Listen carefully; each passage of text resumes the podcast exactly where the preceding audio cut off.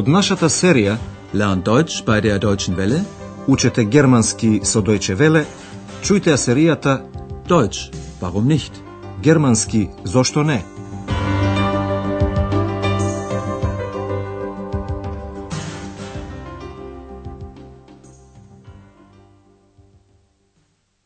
Liebe Hörerinnen und Hörer. Почитувани слушателки и слушатели, добар ден. Ја слушате 22-та лекција под наслов А неговата жена und seine Frau. Во последната лекција, господја Бергер разговараше со господин Мајер. Таа му рече дека е чудно да се најде празна соба.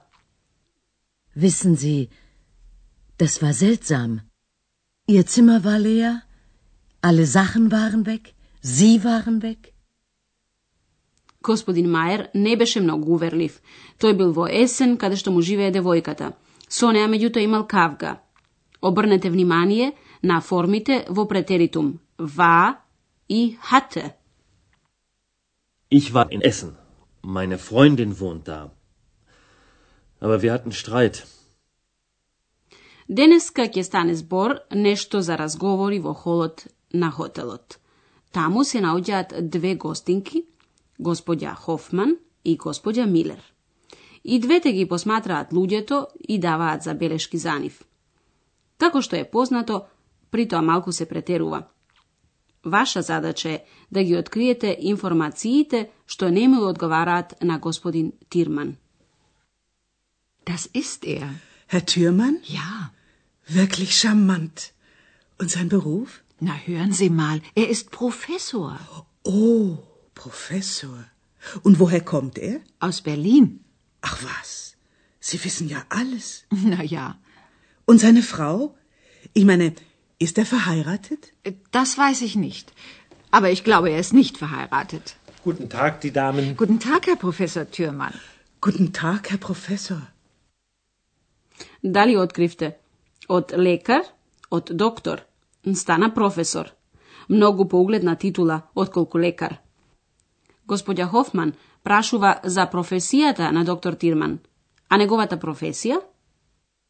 Und sein Beruf? Пред господја Милер да одговори на ова прашање, во почетокот е зачудена на прашањето.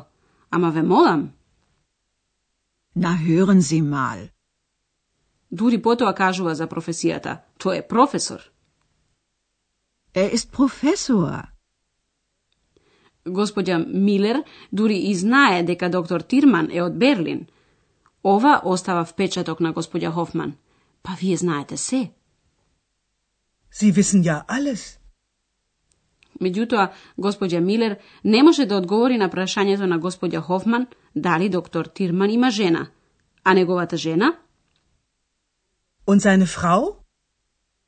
Откако господја Хофман го забележува двоумењето на господја Милер, додава. Мислам, дали е оженет? Ich meine, ist er verheiratet? Фрау Милер вистина вели дека не знае, меѓутоа додава. Верувам, тој не е оженет. Aber ich glaube, er ist nicht verheiratet. Тешко дека ќе дознаеме од каде е таа констатација. Веднаш потоа една млада французинка го привлекува вниманието на двете дами. Ваша задача е да откриете на кои прашања Gospođa Miller ne može da odgovori. Das ist sie. Wer? Na, die junge Dame von Zimmer 12. Guten Morgen. Einen wunderschönen guten Morgen. Guten Morgen. Eine Französin. Also, das höre ich doch. Ihr Akzent? Ihre Mutter ist Französin. Ach was. Und Ihr Vater? Er ist Deutscher, ein Diplomat. Ach, wie interessant. Und Sie? Was macht sie? Ich meine, was ist Ihr Beruf? Tja, das weiß ich nicht. Vielleicht Studentin. Hm. Ach, schauen Sie mal, der junge Mann von Zimmer 14. Прашањето на кое господја Милер не може да одговори е прашањето за професијата. Господја Милер може само да предпоставува дека станува збор за една студентка. А сега малку да го објасниме разговорот околу младата французинка. Господја Милер очигледно добро знае во која соба е одседната младата дама, јунге даме. Соба број 12. Die junge Dame von Zimmer 12. И откако младата дама ги поздравува со добро утро, господја Милер веднаш констатира дека станува збор за млада французинка, французин. Eine Französin. Господја Хофман е речиси навредена, бидејќи истото го констатира според незиниот акцент. Па веќе го слушнав незиниот акцент. Also das höre ich doch. Ihr Akzent. Господја Милер додава дека мајка и на младата дама е французинка. Ihre Mutter ist Französin. Се прашува за таткото, фата, а таткој? Und Ihr Vater? Таткој е германец, дојча. Er ist Deutscher. Таткој е дипломат, дипломат. Ein Diplomat. На прашањето за професијата на младата французинка, господја Милер одговара, па не знам. Tja, das weiß ich nicht. Може би е студентка, студентин. Vielleicht Studentin. Сега ќе ви објасниме присвојната заменка во трето лице еднина.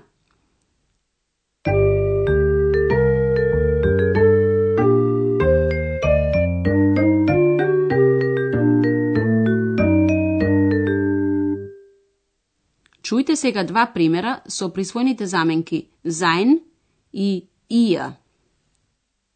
Sein. Sein Beruf. Ihr. Ihr Beruf.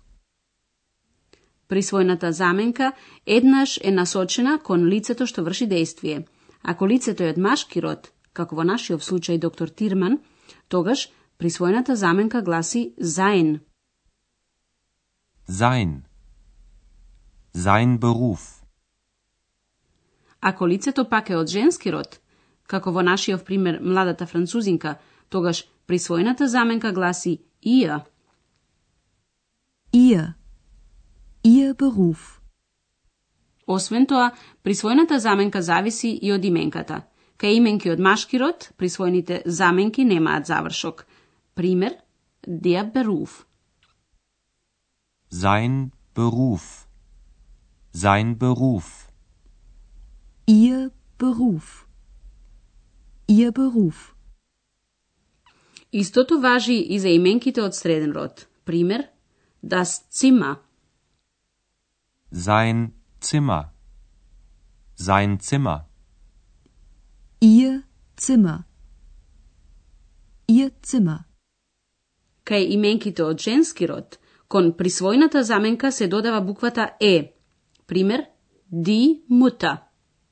Ако, на пример, зборуваме за мајката на доктор Тирман, тогаш велиме. Seine Mutter. Seine Mutter. А ако се зборува за мајката на господја Бергер, тогаш велиме. Ihre Mutter. Ihre Mutter. Чујте ја споредбата уште еднаш. Dr. Thürmann. Sein Beruf. Seine Mutter. Frau Berger. Ihr Beruf. Ihre Mutter.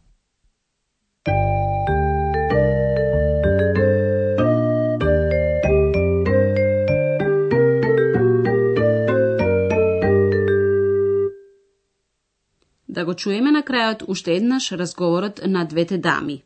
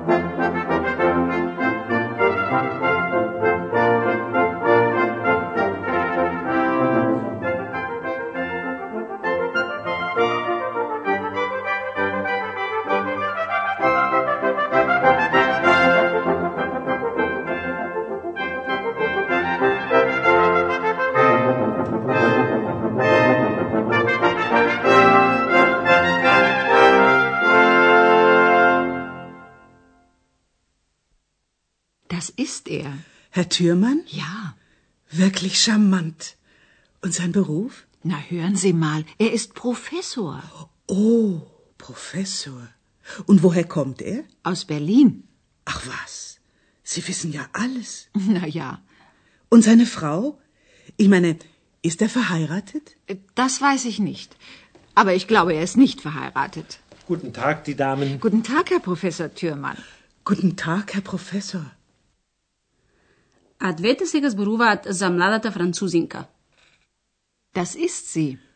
Wer? Na, die junge Dame von Zimmer 12. Guten Morgen. Einen wunderschönen guten Morgen. Guten Morgen. Eine Französin. Also das höre ich doch.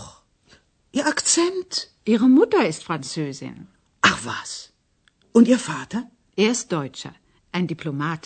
Ach, wie interessant. Und Sie? Was macht sie? Ich meine, was ist Ihr Beruf? Tja, das weiß ich nicht. Vielleicht Studentin. Hm. Ach, schauen Sie mal, der junge Mann von Zimmer 14. Исто така и екс размислува за двете дами, за дуетот. Да чуеме. Das Duett spekuliert so nett. Толку за денеска и до слушање до наредната емисија. Тоа беше германски Зошто не? Радиоговорен курс на Херат Мезе во продукција на Дојче Веле и на Гетовиот институт од Минхен.